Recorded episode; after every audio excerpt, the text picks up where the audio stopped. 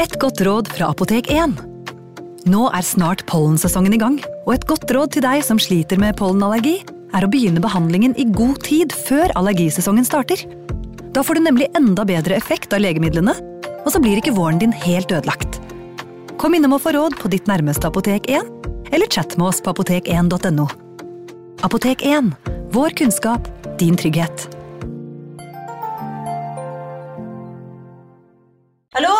Jeg kommer fra Oslo politikammer. Ine Jansen er purk. Er du purk? The motherfucking bitch. Alt jeg vil, er å finne ut hva som skjedde med mannen min. Jon Carew. Er jeg sikta for noe? Iben Akeli. Det er du. Ole So, Lars Berrum og Big Daddy Karsten. Hvem sin side er du på, egentlig? Anette Hoff, Tone Danielsen, Kommer du fra Afrika? Jørnis Josef, Nesten. Kløfta. Trond Espen Seim, Det er synd å si det, men det var feil mann som døde. Purk. Premiere tirsdag på TV2 Play. Det er den 27. oktober 1809. En 30 år gammel svenske, Peter Jonasson Westerstrøm, blir ført fram til eh, retterstedet utenfor fengselet i Moss. Sammen med ham er en litt muligens litt småfull pastor og en ung og sterk August Anton Ledel, selve skarpretteren. Hva hadde Peter Jonasson gjort som førte til at han nå skulle miste hodet?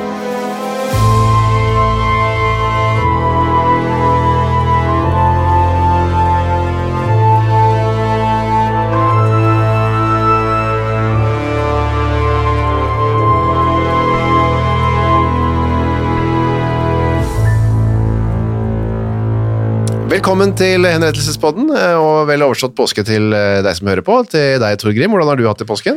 Glimrende, Har du- nydelig vær og bare avslappa. Har du lest noe krim, eller? Nei, jeg har skrevet krim.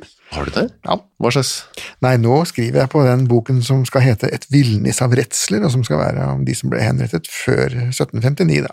Og holder du på med bok om det nå? Ja, det er bok nummer seks i denne krøniken om de henrettede. Ja, ja, ja. Og der eh, eh, Dette vet du bedre, da, men der er det mye rare henrettelses- og grusomme ting som skjer, eller? Ja, i den boken der så kommer annet den siste sodomitten, da, som ble brent på bålet. Ja, levende, eller? Nei, han eh, ble ikke brent levende, de, de tok livet av han først.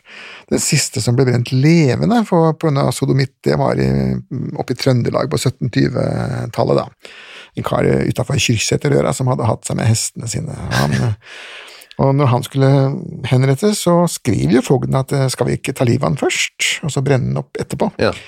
Men da var det en ny amtmann som var professor, eh, doktor juris, skikkelig akademiker, og han sa nei, det lovens bokstav skulle følges, og han ble brent levende, og han var da det siste som ble brent levende her i, her i landet da. Ja, hva sa du? 17? Det var 1720-årene. 1722, tror jeg det var. Ja, for det å ha hestsex, altså dyresex, det var det så å si det verste man kunne. Det, Da. Ja, det var ikke bra. Og da skal man brennes levende, og så skulle dyret brennes. eh, Stakkars dyr også. Ja, men der var man litt mer snill, da. Der eh, tok man som regel livet av dyret først. det var. Eh, Det var også litt praktiske hensyn. Altså, det å få en bonde til å stå på, på Ja. pæren og bli brent opp, det kan man overtale ham til. Men det å få en, en hest på nærmere et tonn til å stå stille på bålet, det, er, det lå litt lenger inne da. Ja, det var mye organisering. sikkert. Ja, Så de, de slo i hjel dyrene først, og så brente de opp eh, etterpå, da. Det var sivilisert, da. Ja. Vi skal ikke snakke om eh, han og de hestene denne gangen, kanskje senere. Vi får forresten en del eh, etterspørsler etter forskjellige historier som folk kjenner fra sin barndom og sine, Ja, ja, ja. sine trakter, da, og det, skal vi, det tar vi med oss, vi leser og kommer tilbake til det. Absolutt. Men ikke i dag. I dag skal vi til eh, Østfold, Moss eh, og eh, Hva heter dette stedet? Eh, denne gården? Saksebøl. Ja, Sakseville er litt, eller var litt utenfor, eh, utenfor Moss, da. Ja. Fins det fremdeles det stedet? Selve stedet Saksebøl eksisterer jo fremdeles, men selve den skysstasjonen, eller det vertshuset som, som var åstedet her, den er jo for lengst uh, gått de hundene til. Ja. Riktig. Det var en mann som het Peter Westerstrøm, Peter Jonasson Westerstrøm. Han er født i 1779, han er svensk. Ja, ja, som navnet jo Til, antyder. ja. Og han eh, ble altså født og oppvokst i Sverige. Han, eh, ja, han hadde det ikke så greit. Han, faren døde da han var åtte år, videre. Peter eh, var jo tydeligvis litt oppvakt, altså han lærte seg å lese, og eh, leste mest romaner og kjærlighetshistorier, og fikk eh, 13 år gammel tjeneste hos en lagmann. Um, men så ble det litt rot. Han kom seg etter hvert inn til Stockholm. Ja, og vanskeligheten er at eh, vi har jo bare hans egen Ja. forklaring her. fra retten. Og, og det er helt tydelig at han pynter jo på veldig mye, da. Eh, Fordi at eh, det å skifte arbeidsgiver i stadig vekk, og det å skifte bosted stadig Mm. vekk, tyder jo på at det er et eller annet fundamentalt feil et sted, da. Ja. Men det vil ikke han fram til. Han hadde i hvert fått forskjellige tjenester hos en kammerherre der, en kammerjunker der. Men så ble han skredderlærling hos en som het Gran i Stockholm, da. Eh, Men mester ble han eh, altså ikke. Han var nok litt for rastløs for det også. Ja. Iallfall så forsvant han eh, over til Finland. Ja. Eh, Nå var jo det den gangen eh, en del av Sverige, da, Ja. så det var jo ikke akkurat han kryssa noen grense. Men eh, han dro da til Åbo, hvor de snakket svensk. Ja. Så det var ikke noe sånn stort sprang for han. Nei. De snakker jo fremdeles svensk i store deler av, av Åbo, da. Ja vel. Ja, jeg klarte å fornærme en fyr der borte. Jeg spurte om han snakka svensk, og sa 'jeg er svensk'. Ja. Ja, Så det er et lite sånn, en liten enklave, nesten? det der. ja de er, og de er veldig nøye på det. Eh, Det viser seg, eller det kommer fram her, at Peter var opptatt av penger. Han hadde lyst til å tjene penger. Og han låner etter hvert penger til Han hadde lyst til å starte en fabrikk som produserer noe sånn silkevatt. sånn Ja, sånn kunststoff, eller ikke kunststoff, da, det var jo lagd av bomull. Ja. Det skulle være et eller annet man kunne bruke i klær, men det gikk jo ikke noe særlig bra, det heller. Han hadde jo ikke noe greie på det han dreiv med. Nei. Han ville bare bli rik fort. Ja, fort, ja. Det er, det, det er jo gjenspeilelse senere her òg. Ja. Han var interessert i penger, men ikke så mye å jobbe for dem. Nei. Så da var det raskeste vei til penger, og det prøvde han seg som en fabrikkeier, men det gikk ikke, og han måtte rømme da fra Stockholm med kreditorer i hælene, skriver du da, i boka di. Vi er det boka som heter Uten nåde nå. Eh, Og da dro han etter hvert eh, til Skåne, i København, Göteborg og til Norge og Østfold, da. Ja. Hvorfor eh, dro han hit da, tror du? Var det spesielt altså, dit, da? ja, så Han kunne jo ikke dra tilbake til Sverige. Nei. Der ventet jo gjeldsfengsel og, Mm. og sannsynligvis en ganske hard straff. Eh, For, for det å også ikke betale regninger var den gangen straffbart. Ja, da måtte man i fengsel. Ja, det var inntil, inntil det var betalt, så kunne Ja. man eh, risikere å havne bak, bak murene for det. Eh, Sånn at eh, det var jo tryggest for han da å oppholde seg i Danmark-Norge. Mm. Som var et land, ja. Ja. Hvorfor han da forlot København, forklarte han jo aldri, men sannsynligvis har det vært et eller annet fiffel eh, der også. Ja. Så drar han da opp til Norge, da, for det var det landet som var igjen, hvor han kunne fremdeles snakke språket sitt. Han kunne jo ikke dra til Tyskland eller eh, Frankrike eller Nederland, sånn som mange andre gjorde. Han skjønte jo ikke hva de sa. Nei, nei. Så Norge var det som var igjen, da. Og Østfold mer spesifikt, da. Het det Østfold på en tid, gjorde ikke det? da? Nei, det var Smålenenes amt, Ja. som det het det, den gangen. Eh, og så het Østfold en periode, nå er det jo en del av Viken. Ja, det heter jo ikke Østfold lenger. Nei da, det, det var en periode, det. Det var en kort periode. Etter eh, å ha vært i Halden litt, så flytter han til Moss, og der eh, prøver han å begynne å jobbe som eh, skredder, da, og fikk faktisk sånn, et sånt borgerbrev, som skreddermester, i Ja, 1808. Ja, ja. Og, det var jo fordi at eh, normalt så skal du kunne levere en lapp til lauget. Ja, skomakerlauget, nei, skredderlauget. At jeg er godkjent skredder. Men uh, akkurat nå pågikk jo da napoleonskrigene, og uh, her var jo da Norge og Sverige havnet på hver sin side. Ja. Så det var ikke så lett å få tak i sånne papirer, og da godtok man heller hans eh, påstand, da. Ja, jeg er virkelig god skredder. Ja. Eh, Dere får ikke sjekka det dessverre, men jeg er det. Ja, Ja vel, sa de. Ja, vi, vi tar deg på, Vi tar det på ordet. Men du, den, eh, at det ble krig mellom Norge og Sverige, betød det at eh, altså, sperret man grensene helt? Altså, det var ikke bare å reise over lenger? i det Eh? Man, man, I prinsippet så var jo grensen da sperret, da. Ja. Eh, men i praksis så lot det seg ikke gjøre å sperre den norske Hele den. Nei, og det, det så vi jo så seint som i forrige uke, da, for folk går jo på ski over den grensa der så mye de vil, uh, uansett. Ja, for det er jo mye lang strekning å sperre det der. Ja, det er, man, man får ikke, det, er ikke, det er ikke nok eh, nordmenn og svensker til å Det er bare Tyskerne sleit også med det. Ja, ja, de får ikke aldri sperra den grensa der. Den dansk-tyske grensen er jo eh, noe annet, men Ja. den norsk-svenske grensen er jo helt illusorisk å tro at man kan eh, stoppe den. altså. Men sånn offisielt kunne han nå ikke liksom, Var det ikke noe brevveksling og sånn øh, og tilbake? Nei, eh, det vil si, det var jo Av og til så var det noen brevvekslinger på, på litt høyt plan Ja. eh, mellom myndighetene, da, men, eh, men Westerstrøm hadde fremdeles ikke nådd helt opp på det Nei. nivået der. Han prøvde, og øh, han klarte ikke å bli liksom, Åpnet ikke en skreddersalong i Moss, men han reiste rundt til bøndene, banket på dørene da, og sa trenger dere en skredder til gårds?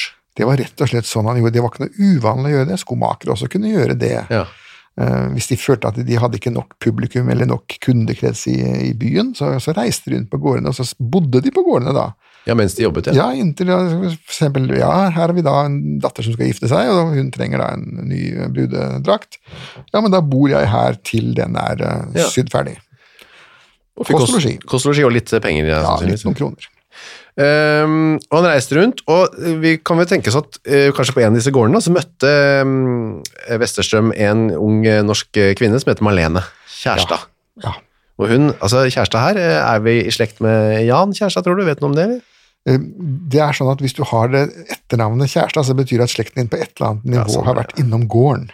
Så det kan ha vært Jans forfedre som har vært innom Det gården. kan det ha vært, men det kan også ha vært at så ble så gården solgt, og så kjøpte Ja. andre den igjen, da. Hun var i hvert fall 21 år gammel og kom fra Vestby, og hun hadde arvet penger fra foreldrene sine. Hadde 400 dal riksdaler, Ja. men ikke som hun selv disponerte, og det, dette var jo litt viktig da. Ja, og det var jo sånn det var med, med kvinner eh, den gangen, da, at Mm. de, de måtte søke kongen faktisk om å få lov til å disponere egne penger. eh, eh, Hvis de f.eks. skulle starte en butikk, eller, og det gjorde de av og til, men da måtte de ha tillatelse til til å rå seg selv. da. Ja. Men, eh, og spesielt unge kvinner, eh, de, eh, da skulle de ha en formynder som skulle passe på pengene deres. Inntil de da giftet seg, da var det mannen som passet på pengene deres. Ja. da. Da kunne de få en slags ukelønn, eller noe sånt da, kanskje? I, ja, i prinsippet så fikk de ingenting, altså pengene bare var der på bok, og de skulle få dem utlevert når de giftet seg, eller sånne ting. Da. De fikk ikke noe av dem hvis ikke de ba pent og Så hvis Malene ville få kjøpe seg en ny kjole, så måtte hun gå til sin formynder, som Ja. het da Sten Ergon, og spør, spør kan jeg være så snill få en... Ja, rett og slett kan jeg få utbetalt noe av pengene mine, for jeg trenger sko. Men vi vet jo ikke helt, da. det kan hende at Peter Westerstrøm også var veldig forelsket i Marlene. Det sa han vel senere at han var. Eh, han sa jo så mye rart, da. Ja. Eh, la oss si det sånn, han var iallfall forelsket, om det var i pengene hennes eller om det var i henne, men han var sterke lidenskaper, det, det skal være med. Ja, ja, det er bra. Det kan jo være- i hånd i hånd, de to tingene der, da. Ja, kjærligheten til penger er kjærlighet, det òg. Ja. Og eh, han, de klarte faktisk, eller han klarte å få henne til å si ja til et frieri, da, altså de ble forlovet. Ja, og det, er jo eh, i seg selv også talende at han klarte å overtale et stakkars menneske til å, til å si ja til et ekteskap med en eh, omreisende svensk skredder, altså som hun ikke visste noen ting om. Ja, var, det, var han veldig langt ned på lang, rangstigen han nå? Ja, altså I bondesamfunnet på, på denne tiden her, så var det å ha en gård, Ja. Det var greia. Oh, ja. Men hvis du ikke hadde en gård, så kunne du være en borger i en by og ha et hus der. Det Ja. var også bra. Men det å bare reise rundt fra gård til gård og ikke ha noe tak over huet som du kalte ditt ja. eh, Du var ikke egentlig omstreifer, men du var ikke så langt unna Mm. heller. Et hakk over, landstryker på en måte. Ja, Et hakk over landstryker. Ja. Er det der kanskje vi har det så sterkt fra i Norge at vi skal eie vår egen bolig, at det sitter i oss fremdeles? ja, det var veldig fokus på det. Ja. At man, om man ikke eide, så skulle man iallfall leie. Et At man skulle ha et sted hvor du kunne slå en spiker i veggen og si at dette er mitt. Mm. Og omstreifer eh, var det masse av i Norge, og de ble jo periodisk sanka inn, eh, gjort opp og sendt videre til nabobygda. Ja, Og, og hvis det ble for ille, så ble de av og til puttet inn på tukthus også. riktig. Men det var ikke forbudt i seg selv. Eh, Jo, eh, det var forbudt i seg selv å være omstreifer, Var eh, i den forstand at det var til og med forbudt å være arbeidsløs i en periode på 1700-tallet. Eh, Hvis du var arbeidsdyktig Ja, og ikke jobbet, ja. og ikke jobbet så, så ble du sett på som en unnasluntrer, og da var det tukthuset, da hadde man arbeidshus, ja. hvor du ble satt inn, og så måtte du jobbe der. Riktig. Men dette var jo ikke han, han var jo tross alt en skredder, eh, om enn kanskje litt eh, med tvilsomme papirer, da. Ja, eller ingen papirer. ja. Ja, uansett så skulle han, eh, han ville presse litt på for å få bryllupet etter et halvt år cirka, forlovelse. Da vil Marlene vente til Mikkelsmess av en eller annen grunn, altså som er 29. september da. Ja, hun ville vente til det, og hvorfor hun ville vente til det, det kan være at hun begynte å få litt Ja. sånn kalde føtter, da, fordi at han kom jo trekkende med en sånn attest, en presteattest, Ja, fra Sverige. ja, eh, som vel sannsynligvis var, eh, var falsk, da. Det var, det var en stort marked i falske presteattester den gangen. gangen. ja, men de, de ble kjøpt for flere daler, de lagd av folk som kunne skrive sånn. For da sto det, han er en skikkelig fyr, er ikke gift i Sverige, så bare vær så god gift deg med han. Ja, og, og det, det var jo det at inn i Sverige så var det slik at hvis du begikk bigami, hvis du giftet deg Mm. to ganger med, uten å skille deg fra den første, så var det en bøtestraff. Ja. I Norge så var det dødsstraff. Oi, var det så strengt? Så den, den grensen Der var norsk og svensk lovgivning veldig er veldig forskjellig. avvikende, da. Ja. Så var det viktig å finne ut her om han var gift i Sverige eller ikke. Ja. Ja, hodet hans kunne Eh, riktig. balansere på det. Eh, Det ble i hvert fall forlovelsen hevet. Hun ville ikke, hun gjorde det slutt. Og da var det jo da var det nede i kjelleren igjen da, for Westerstrøm, stakkar. Ja, ikke bare det, men nå begynte jo også andre å spørre om disse papirene hans, da, og Ja. hvor mye av en skredder var han egentlig? Og eh, svenskene hadde begynt å, de hadde prøvd å komme seg inn i Norge her. Eh, I 1808 så hadde jo Norge erklært Sverige krig. Ja da, ja da eller hva skal vi si, vi, vi havna jo på hver vår side i en konflikt vi egentlig ikke hadde noe med, noen av oss. Ja, det var jo Danmark som var Ja, København. at eh, I Sverige så hadde man denne, denne kongen som Gustav, da, som mente at Napoleon var dyr i åpenbaringen. Ja. så han hadde jo et forferdelig hat til Napoleon, og, skulle da personlig ordne opp med han. Ja. Eh, mens Danmark-Norge, vi ville jo helst sitte helt stille og ikke lage bølger i båten i det hele tatt, men så kom da angrepet på København fra britisk side, så måtte vi jo inn på Napoleons, på den andre siden der, på Ja. Napoleons side, så det var en misforståelse hele greia. Og det var jo da eh, ikke noe bedre å være svensk etter dette, da. Eh, antageligvis rundt omkring. Nei, man ble ikke, ble ikke mer populær, eh, nei, det jo ikke det. Så prøvde han å få seg som landeveisrøver, står det. Det er liksom litt art, spesielt yrkesfolk, plutselig, da. Ja, men det var jo også dødsstraff for. Ja. Det var også dødsstraff for det. Folk ble jo med jevne mellomrom eh, halshugget for det. Ja, Det er bare å ligge på lur eh, i skogen og vente på at noen skal ri forbi. Altså. Ja, da var det, det ordet, ordet som ble brukt i norsk lov, var stimann. Altså Ja. man, man lå på en sti og, og overfalt folk som gikk forbi da. Som Robin Hood i Sherwood-skogen. Ja, sånn highwayman, som det heter i England, da, og de, de ble jo hengt eh, der. Her ble de ja, halshugget. Ja. Det, det skulle de ikke ha noe av. Han, han turte ikke eh, riktig likevel, da, eh, Petter. Han var vel ikke noen modig maur. Nei. Dette var vel ikke noe sånn Robin Hood-type. Så da er det, da kommer da den selve fatale planen, og det er jo at han eh, speiler seg ut en, en type han har møtt før, og det er han som driver denne skyssgården på Saksebøl, som het Saksebøl, da. Johannes Jensen. Ja, ja. Uh, en skyssgård, hva, hva var det igjen? Det er altså uh, i prinsippet en, en slags form for bondegård, hvor uh, den gangen så skulle jo folk skysses, det var ikke noen taxier eller busser eller tog. Eh, Så hvis ikke de hadde egne hester, så, og det vanlige var at man da gikk til en skyssgård, og så blir man skysset over til neste skyssgård. Med en vogn bak en hest? vogn og hest, for eksempel. Ja. ja. Og, og så byttet de der, og så ble en skysset Ja. videre til neste. Og da betalte man en liten sum for det. Hvis ikke du var i offentlig ærend, da kunne du få såkalt friskysspass. Da måtte skyssmannen skysse deg gratis. Ja. Skarpretterne, blant annet, de hadde friskyss. Ja, de reise de, de måtte alle kjøre, måtte kjøres gratis rundt. Det gjorde de ikke veldig mye mer populære da. Og så I tillegg så kunne du da gjerne drive et vertshus. Ja. Det var vanlig, vanlig å kombinere det, fordi at disse reisende de kom jo da hjem til skyssgården om kvelden og skulle bytte hester, men samtidig måtte de ha seg en dram og gjerne noe å spise, og helst også et sted å overnatte. Ja. Så det var sånn kombinert taverna og drosjestasjon. Riktig. dette ja. Og der bodde altså, en eh, singel mann da, som het Johannes Jensen, som sagt, og han eh, bodde der sammen med noen tjenestefolk. En sånn eh, pike, blant annet, som det het, Ja. og hadde en liten landhandel ved siden av også. Og der gikk det rykter om at uh, han hadde masse penger. ja, og sånne rykter gikk jo hele tida om, eh, om gamle ungkarer som Ja. eh, de skulle være så sterke, de går fremdeles det. At den, og den skal ha så forferdelig mye penger, og så viser det seg til slutt at det er jo overdrevne rykter. Han drev og viste fram litt penger og sånn, sa så for ryktene, at han viste fram litt sånn, se på skrinet med kobberdangler, som han kalte det. Han hadde vel ikke så mye annet å vise fram. Nei, det var kanskje det. Enhver tuter jo sitt eget horn så godt man kan. og Det var jo hans. Og det var synd egentlig da, for dette fikk jo da um, vår venn Peter eh, s- ferten i, og la oss en plan om å, ja, ta knerten på den rett og slett, og stjele Ja, penga. Han ville ha de pengene der. Uh, Som sagt, han, han var først og fremst interessert i penger. Ja. Eh, 1808, nyttårsaften, uh, da hadde Peter tatt inn på en gård som het Folkestad, eh, i Våler, som ikke er så langt unna da. Nei, det er, dette er Våler i Østfold, da. Ja, Eh, Det er et Våler i Soler også, det er ikke der. men det er ikke der. Dette er Våler i Østfold. Der bodde han noen eh, dager. Eh, først hadde han kommet til 28. desember, altså i romjula.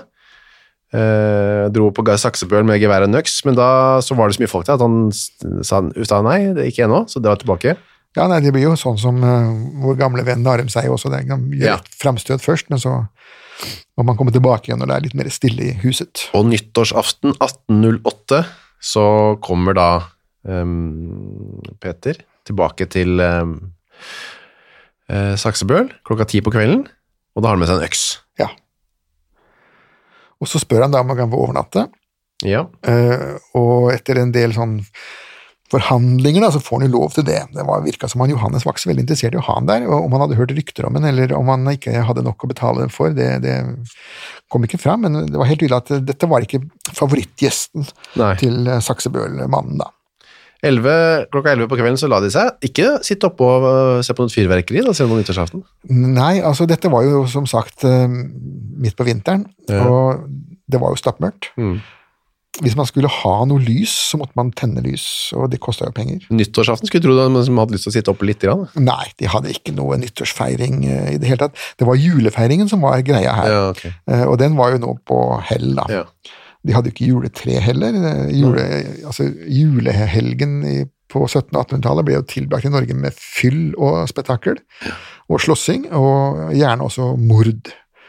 Hvis du ser på antall drepte i Norge på 1700-tallet, og ser på datoene hvor de ble drept, så er det jo en kolossal opphopning i romjulen, da. Og er det det? Ja, da, det var romjulen var mordhøydepunktet i Norge den gangen. Det, de var så fulle.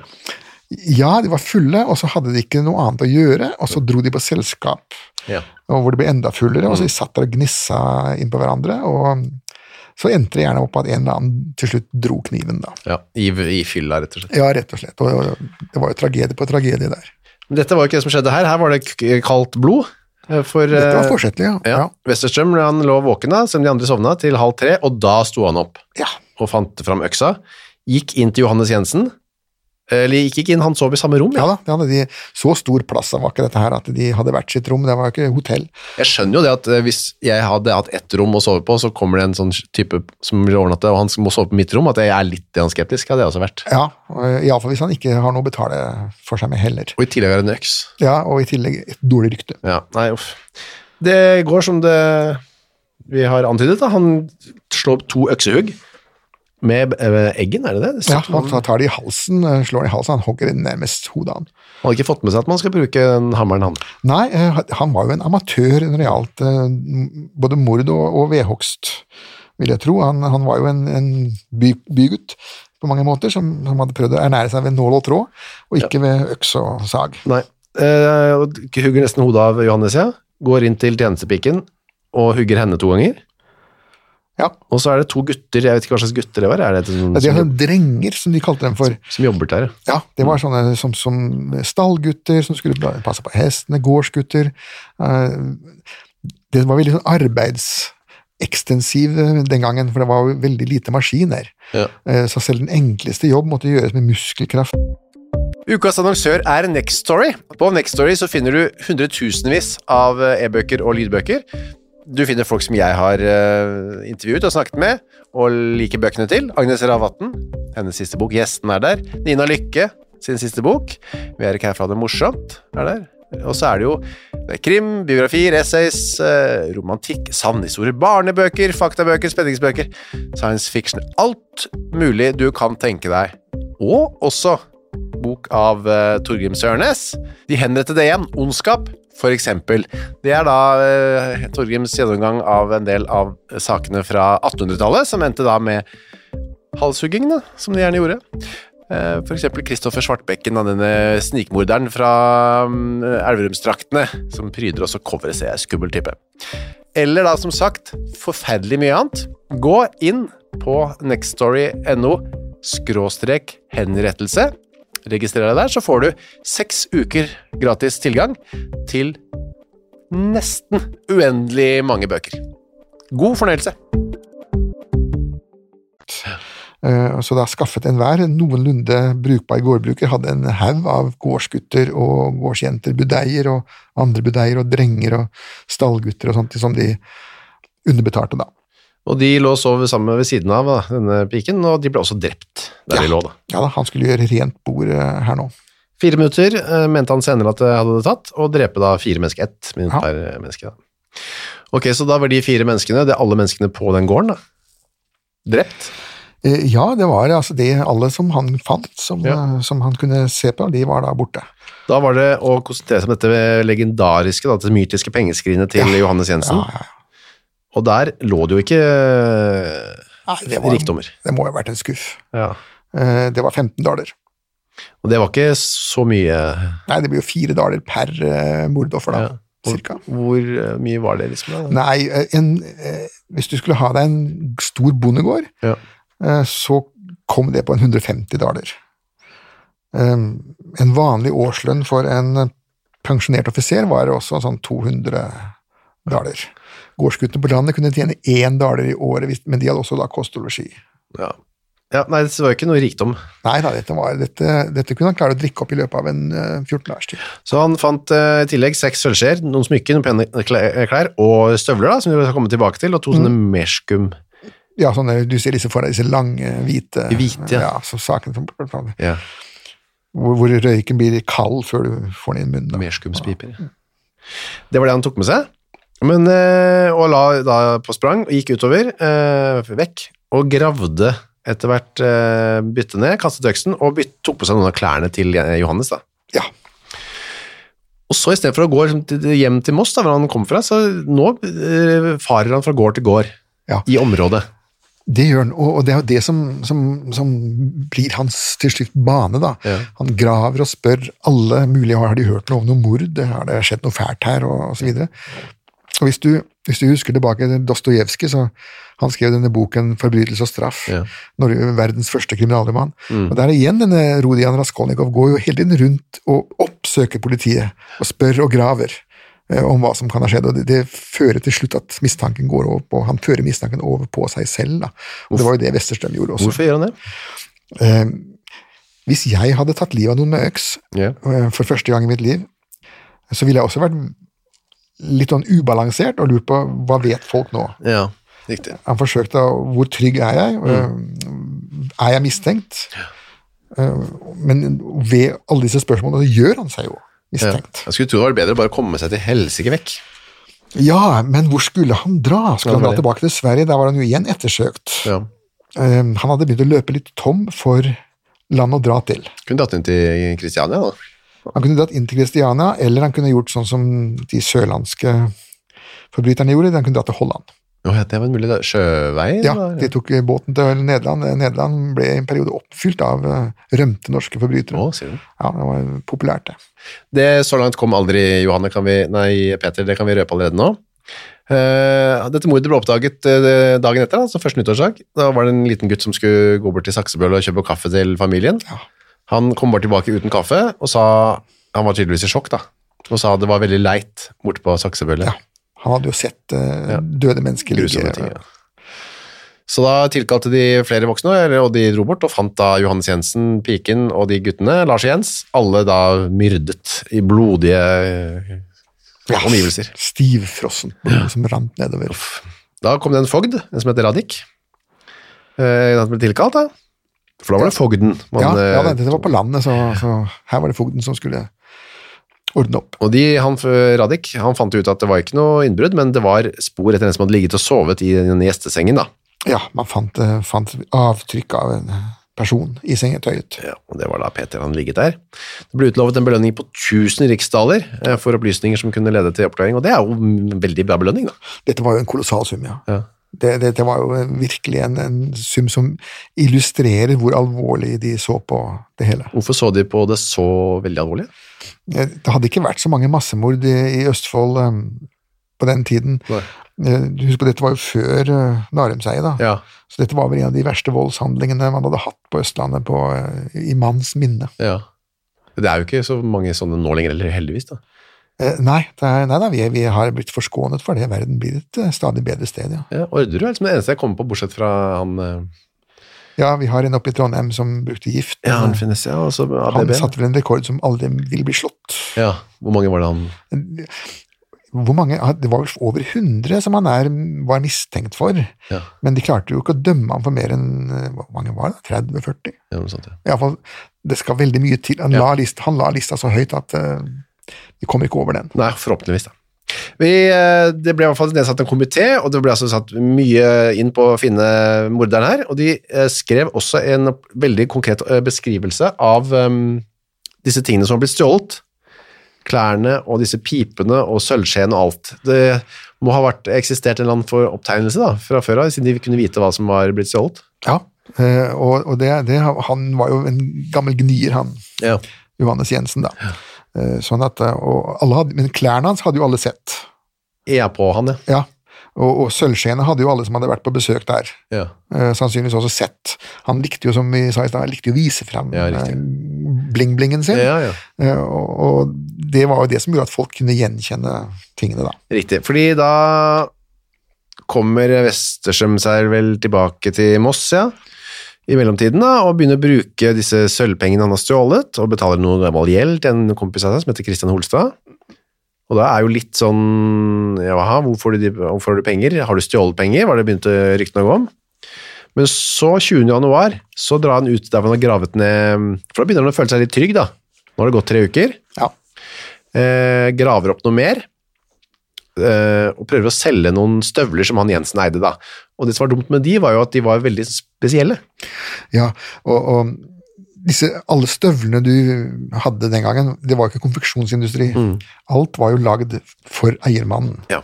Eh, Derfor kunne man godt gjenkjenne dette er mine bukser, dette er mine støvler, dette er min hatt. For alt var laget spesielt for eh, den det gjaldt. Du kunne ikke gå i en klesforretning og si at jeg vil ha en konfeksjonsstørrelse med Nei.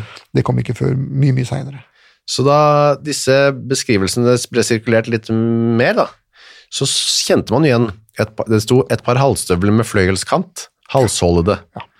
Og da var det, han hadde prøvd å, ja for han hadde solgt dem til en skomaker som hadde solgt dem videre til en murmester. Sånn var det. Disse støvlene. Ja, Og ja, begge de to der tenkte, jaha, disse støvlene er mistenkelige, og konfronterte da Westerstrøm med dette. Så nå begynte liksom nettet å liksom snøres litt sammen rundt eh, Peter da. Ja, eh, altså, han har jo en veldig uheldig kombinasjon. Han er da en eh, jeg å si, illegal innvandrer eh, uten fast bopel. Det begås et forferdelig mord, eh, og han har plutselig mye penger. Og fancy støvler og Ja. sånt. Én pluss én blir da. Han, eh, vennen hans, Christian Holstad, sier eh, på det tidspunkt, nå mistenker man deg for mordet på Saksebøl, og da svarer eh, Peter, Kors for faen! Ja. er du galen? ja, han er jo svensk, vet du. Ja. Ja. Banner som en svenske. Ja, ja. Eh, men det var ikke verre enn at han, ja, så nå eh, bestemmer han seg faktisk for å flytte tilbake, flykte tilbake til Sverige nå. Ja, ja, han fant at det, det var bedre å sitte i gjeldsfengsel der enn å bli halshugd i Norge, da. Ja. Men han prøver ikke sånn kjempehardt på det heller, for etter at han prøvde å liksom gå til, land, til, til Halden på veien, så blir det dårlig vær, og sn- altså snur han. Ja. Så prøver han en gang til dagen etter, og mer dårlig vær. Og det tar han eh, som et tegn fra Gud. Nei, du skal holde deg i Norge, du. Ja, Øh, hvor mye forhold han hadde til Gud Han prøvde iallfall å fremstille det sånn at han så på dette som et tegn fra oven. Men det bekreft, hele den historien der bekrefter vel egentlig at dette var ikke den eh, skarpeste kniven i, i skuffen. Nei. Altså det var Én ting var at han eh, var en morder, men han var vel heller ikke av de glupeste. Nei, det kan virke sånn, ja. Han blir, kommer tilbake til eh, Folkestad, denne eh, gården hvor han bodde, og da blir han arrestert 4. februar. Ja. På kvelden der. Og så ransaker man ham, finner ikke noe nytt, men så viser sønnen på Folkestad en av disse merskumspipene, som han hadde fått byttet mot Westerstrøm, da. Ja, da, Og sølvskjeene dukka opp også. Ja. Som var, ja, hadde et spesielt merke, som Ja, Det var sånne eh, bokstaver på dem. De, de var jo de var, også, de var også laget for, en for anledningen, ja, Ja. eller for, for kunden. Så hver gjenstand på den tiden var mye mer unik, da, på en måte. Ja, eh, det var ikke så Det var ikke masseproduksjon. Masseproduksjon er jo egentlig noe som kom i det 20. Ja, århundret. Med, med samlebånd og Mm. biler og Henry Ford og, og alt det der. Før det så, så var hver ting ble lagd for eieren, og når eieren var lei av dem, så solgte han dem videre og videre og videre. Ja. At det var en gjenbruk helt til det bare var filler igjen, og da ble de brukt som filler. Og når de ikke kunne brukes som filler lenger heller, så lagde man papir av dem. Å, Ja, klutepapir. Det Ja. var jo sånn eksklusivt. eh. Hvis du har kjøpt eller lest i Salamonsens konversasjonsleksikon fra 1800-tallet, så er den trykt på klutepapir. laget av gamle filler? Ja, ja. Ja. Yes, det ante jeg ikke. Eh, Så det var jo var vanskelig for mordere å slippe unna med å stjele og bytte tingene som man hadde stjålet fra liket. Ja, spesielt når man da går i nærområdet og Ja. forsøker å bli kvitt dem igjen. Altså, det var jo sånn som stakkars Ellen Jonsdatter også, som gikk rundt i Trondheim Med med, døde menneskers klær på seg. Hun kunne jo ha dratt til Kristiansund, så hadde ingen oppdaget det i det hele tatt. Og det samme med Vesterøen. Hadde han dratt til Kristiania, som du sier, så hadde det kanskje vært litt enklere, men han gikk jo, surra jo rundt i Akkurat dro til og med tilbake til samme gården. Og ble arrestert, og da kunne også de Folkestad-beboerne fortelle at eh, på nyttårsaften, jo da, da dro Peter av gårde i åttetiden og kom tilbake igjen eh, mye senere, da, eller han dro, ble iallfall borte. Og da tilsto etter hvert eh, Peter Westerstrøm eh, å ha myrdet disse fire. Ja da, Men ikke, han la ikke, ikke alle kortene på bordet med en gang heller, nå. de gjør nesten aldri det. Nei. Eh, Sannheten er et eller annet som man må dra ut av, eh, ut av folk, ser det ut for. Og det som var clouet for Vesterstrøm, kan ha vært to ting. Det ene er at hvis man fremstiller motivene sine i et litt forståelig lys, så kan man kanskje få en litt mildere straff. Mm. Men jeg tror også det at veldig få mennesker ønsker å se seg selv i speilet og så si at her står Norges største dritt. Ja. Eh, Man ønsker gjerne å pynte på det også for sin egen del. Eller legitimere overfor seg selv. Ja, altså, jeg er ikke så gæren som det det kan se ut som. Han begynte med å si at han hadde, var så sjalu og, og, eller eh, sint, fordi det var Johannes Jensen som hadde fått ham til å, eller fått Malene til å gjøre det slutt. Det var det første han sa. Ja, Det var en eh, sånn Sjalusisak, ja. ja. ja g- han var i følelsenes vold, da. Ja. Men sånn var det ikke, viste det seg. Vitner sa at nei da, han snakket, Johannes snakket bare pent om eh, Peter til Marlene, han. Så Ja. det var det ikke. Og så eh, ja, noe han skulle lyst til å ramme søsteren fordi Johannes fridde til altså søsteren til Marlene, fordi han, Johannes liksom driver og fridde til henne, så skulle Marlene bli lei seg, men sånn var det heller ikke. Johannes fridde ikke til noen. Nei. Og så begynte han å si at han hadde lyst til å bare bli en kjent kriminell. Ja, han skulle bli en såkalt uh, spitsbobe. Spitzbobe, Han ja. brukte uttrykket spitsbobe, det har han sannsynligvis lært i, i, under sine reiser i Sverige. da. Hva betyr det? Eh, Det betyr eh, en bølle, eller en, en som ødelegger, en Ja. eh, ramp. Og han skulle da ikke bare være en vanlig ramp, han skulle bli den største rampen som, som var. og Det er jo det som kalles for å bli herostratisk berømt. da. Ja. Eh, Etter oppkalt etter en gammel greker eh, fra antikken som het Herostratos. Han tente fyr på et tempel i den ene hensikt å bli kjent. Ja. Og det ble han jo. Ja, navnet hans husker vi jo fremdeles. ja da, så de oppnår gjerne det der. ja da, det stemte. Det. Det- Han, ble, han ble berømt, og det ble jo for så vidt Westerstrøm og det, men det var jo en pris, da. Um, og begrunnelsen for at han skulle bli en, denne Norges største banditt, Ja. skrev han at han kunne ikke skaffe seg et levebrød som et ærlig menneske. Men et håndet menneske? Ja, han klarte ikke det. Uh, og det var jo en bitter erkjennelse. For det klart, det hadde han jo klart hvis han hadde gått inn for det, Prøvd, ja. Uh, men han, han ville det ikke nok. Så da var det egentlig ikke så mye mer eh, å lure på. Han ble dømt til eh, halshugging, først med kniping av disse tengene, gloende tenger, tenger da. Ja, det var jo en, det var jo en liten juridisk tabbe, men det, det gjorde man jo veldig ofte den gangen. Eh, Forordningen eh, fra 1749 sa at du skulle knipes med glødende tenger hvis du hadde begått et meningsløst mord Ja. i den hensikt å bli henrettet, altså i suicidal Ja, hensikt. Eh, Men eh, de sorenskriverne i Norge de brukte den eh, forordningen mye mer enn det de klinte gjerne på glødende tenger hvis de bare syntes mordet var ille nok. Ja, og det gjorde de her. Ja, altså, men så ble det som regel omgjort da, i høyere, høyere rett. Da, litt roligere, litt mer sindige karer som satt litt lenger unna begivenhetene, kunne slå opp i lovboken og si at nei, dette var noe Dette var, et, dette, var, dette var et råmord. Ja, det var et godt motiv. De fant forresten eh, tingene på det som kalles for Høyda i Moss, eller ved Moss. Ja, eh, Høyda på Moss, det, er, det var den gangen så var det retterstedet, Ja. eh, og det var en ødemark. ja. Nå er Høyda i Moss det er, nå er det butikker og store varehus og oh, ja. Vinmonopolet. Er, alt er der nå. Det er, I og med at bykjernene i Norge de tørker jo etter hvert ut, Ja. så flytter man all handel ut på utkanten av byen. og Høyda er et sånt sted. da. Riktig. For der sto galgen, og der gravde eh, Peter dette ned, disse tyvegodsene sine, Ja. fordi det ikke var noe Der var det liksom folk skydde dette stedet, antagelig. Det var jo ikke akkurat noe man dro dit Man dro ikke på høyda eh, for å handle Nei. da. Nå gjør man det, men den gangen så dro man dit bare for å se på folk bli hengt. Man, altså når man lagde kjøpesenter, fant man noe spennende i jorda der? Det virker ikke sånn. Jeg har jo ikke lest Moss Avis nå siden jeg flyttet hjemmefra, men eh, jeg har ikke hørt noen rykter om at man fant noe da, nei. Det er fristende å ta seg en Hvis det er asfaltert, så er det kanskje vanskelig, men Ja, ikke bare asfaltert, nå er det, det er jo eh, lagt under asfalt alt sammen der nå. Ja. Det er ikke et ledig flekk. kanskje ligger en merskumspipe som Johan glemte igjen. Ja, eller en skalle. Ok, men da var det altså ikke noe å lure på. Um, fram og tilbake med kongen og sånn, eh, og det ble da eh, bestemt at han skulle henrettes, men slippe disse gloende tingene. Ja. Skal vi se. Altså ble henrettet etter en paragraf 691 om, om uh, mord. Og da er vi tilbake til den 27. oktober 1809.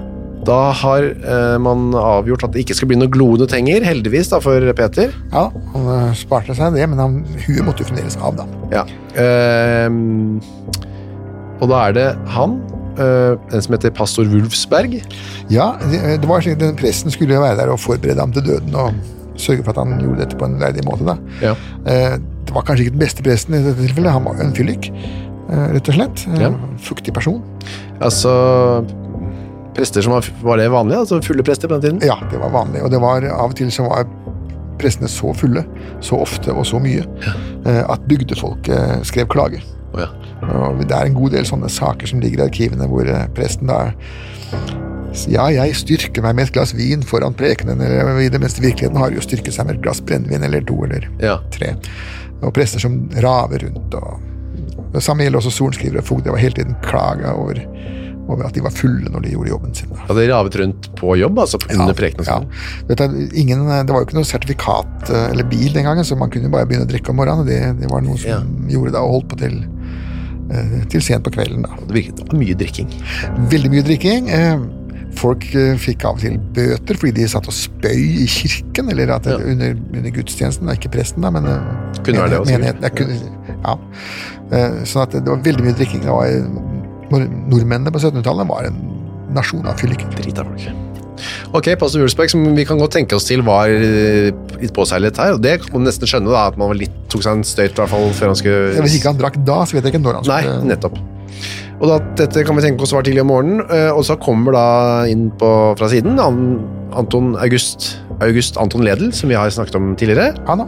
som uh, ikke var så heldig da med Nils uh, Narumseie, men, ja, men han var yngre her. her var han yngre og sterk og effektiv. Og det foregikk, hvor foregikk dette? Det foregikk foran fengselet. Ja, eh, i Moss. Mm. Eh, I Moss. Og, og poenget med, med det er at det var, fanns, normalt så kunne man henrette folk på rette steder. Og eksempel på høyda, da. Eh, hvis de skulle begraves i kirkegården, så henrettet man gjerne foran kirken. Mm. Eh, her skulle han ikke på kirkegården. Han skulle, eh, kroppen hans skulle begraves på stedet. Ja. Hodet skulle på stake. Da tok man et mellomstandpunkt, og så tok man og eh, henrettet ham foran fengsel istedenfor. I Moss sentrum. Dette er jo sånn, Moss sentrum er jo fremdeles ikke svære greia. Eh, Du bruker ikke mer enn ti minutter på å gå fra den ene enden til den andre. altså. Nei. Eh, Inklusive window shopping. Eh, Sånn at eh, det stedet det, det er fremdeles der, men man har ikke funnet, funnet Vesterstrøm. Iallfall ikke som jeg har. Han ligger vel nede i bakken Ja, så han ligger begravet der fremdeles? Altså. Ja, de gravde den ikke opp igjen. Men så dette er, hvor sa du? Akkurat foran? Dette er, hvis du har, tenker deg gamle Moss, da, så, så er det en kirke midt i byen. Det er i Nye Moss også. Kirke midt i byen, og så er det et lite bibliotek og en politistasjon. Og der var det gamle fengselet. Det er det gamle fengselet? Ja, Nå er det bygd et nytt fengsel 100 meter lenger opp i gata, som er berømt fordi at eh, det var så mye rømninger derfra. Ja. De, de to gikk opp på taket, og så seilte de med sånn taubane over på nabohuset. Det det er noen år siden, da. Eh, Så dette er midt i byen, og og det er blitt gravd opp igjen veldig mange ganger. Det er blitt bygd nytt, og det er bygd nytt, og det er veier osv. Så, videre. så hvor mye som er igjen av Vesterstrøm nedi bakken der, det er ikke så lett å si.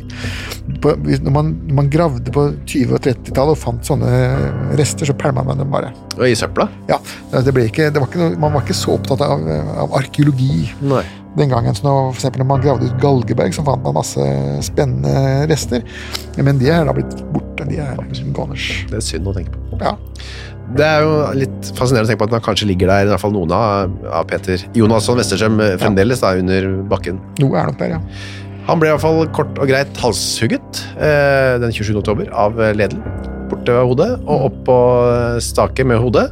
Men det skulle egentlig stå der til skrekk og så lenge, men det ble bare 24 timer. Ja, det var Man begynte på denne tiden her å bli litt sånn forsiktig med å la ting henge og slenge i det uendelige. Ja. Eh, Dette er begynnelsen på en liten utvikling hvor, eh, hvor man etter hvert slutter å la ting henge på staker.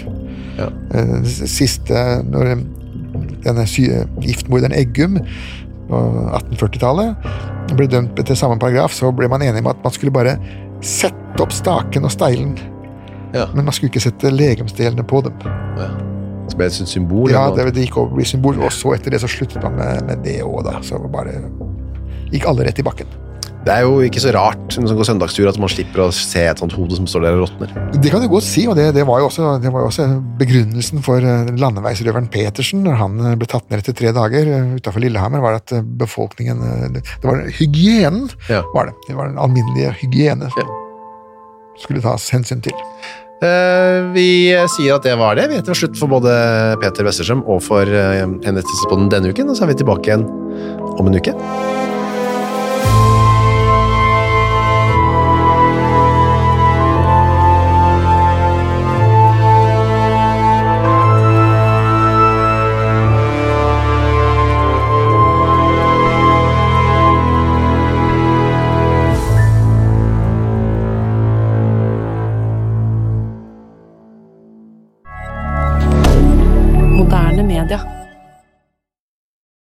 Har du et enkeltpersonforetak eller en liten bedrift? Da er du sikkert lei av å høre meg snakke om hvor enkelt er med kvitteringer og bilag i fiken, så vi eh, gir oss her, vi. Fordi vi liker enkelt. Fiken superenkelt regnskap. Hei, takk for at du hører på Henrettelsespodden. Skulle du ønske at du kunne høre en ny episode av denne podkasten hver eneste uke? Ja, da er det bare å laste ned podkastappen Untold med en gang. I tillegg til at du får da Henrettelsespodden en gang i uka, så får du andre ukentlige podkaster som Historiepodden, True Crime-podden og Gangsterpodden, for å nevne noe.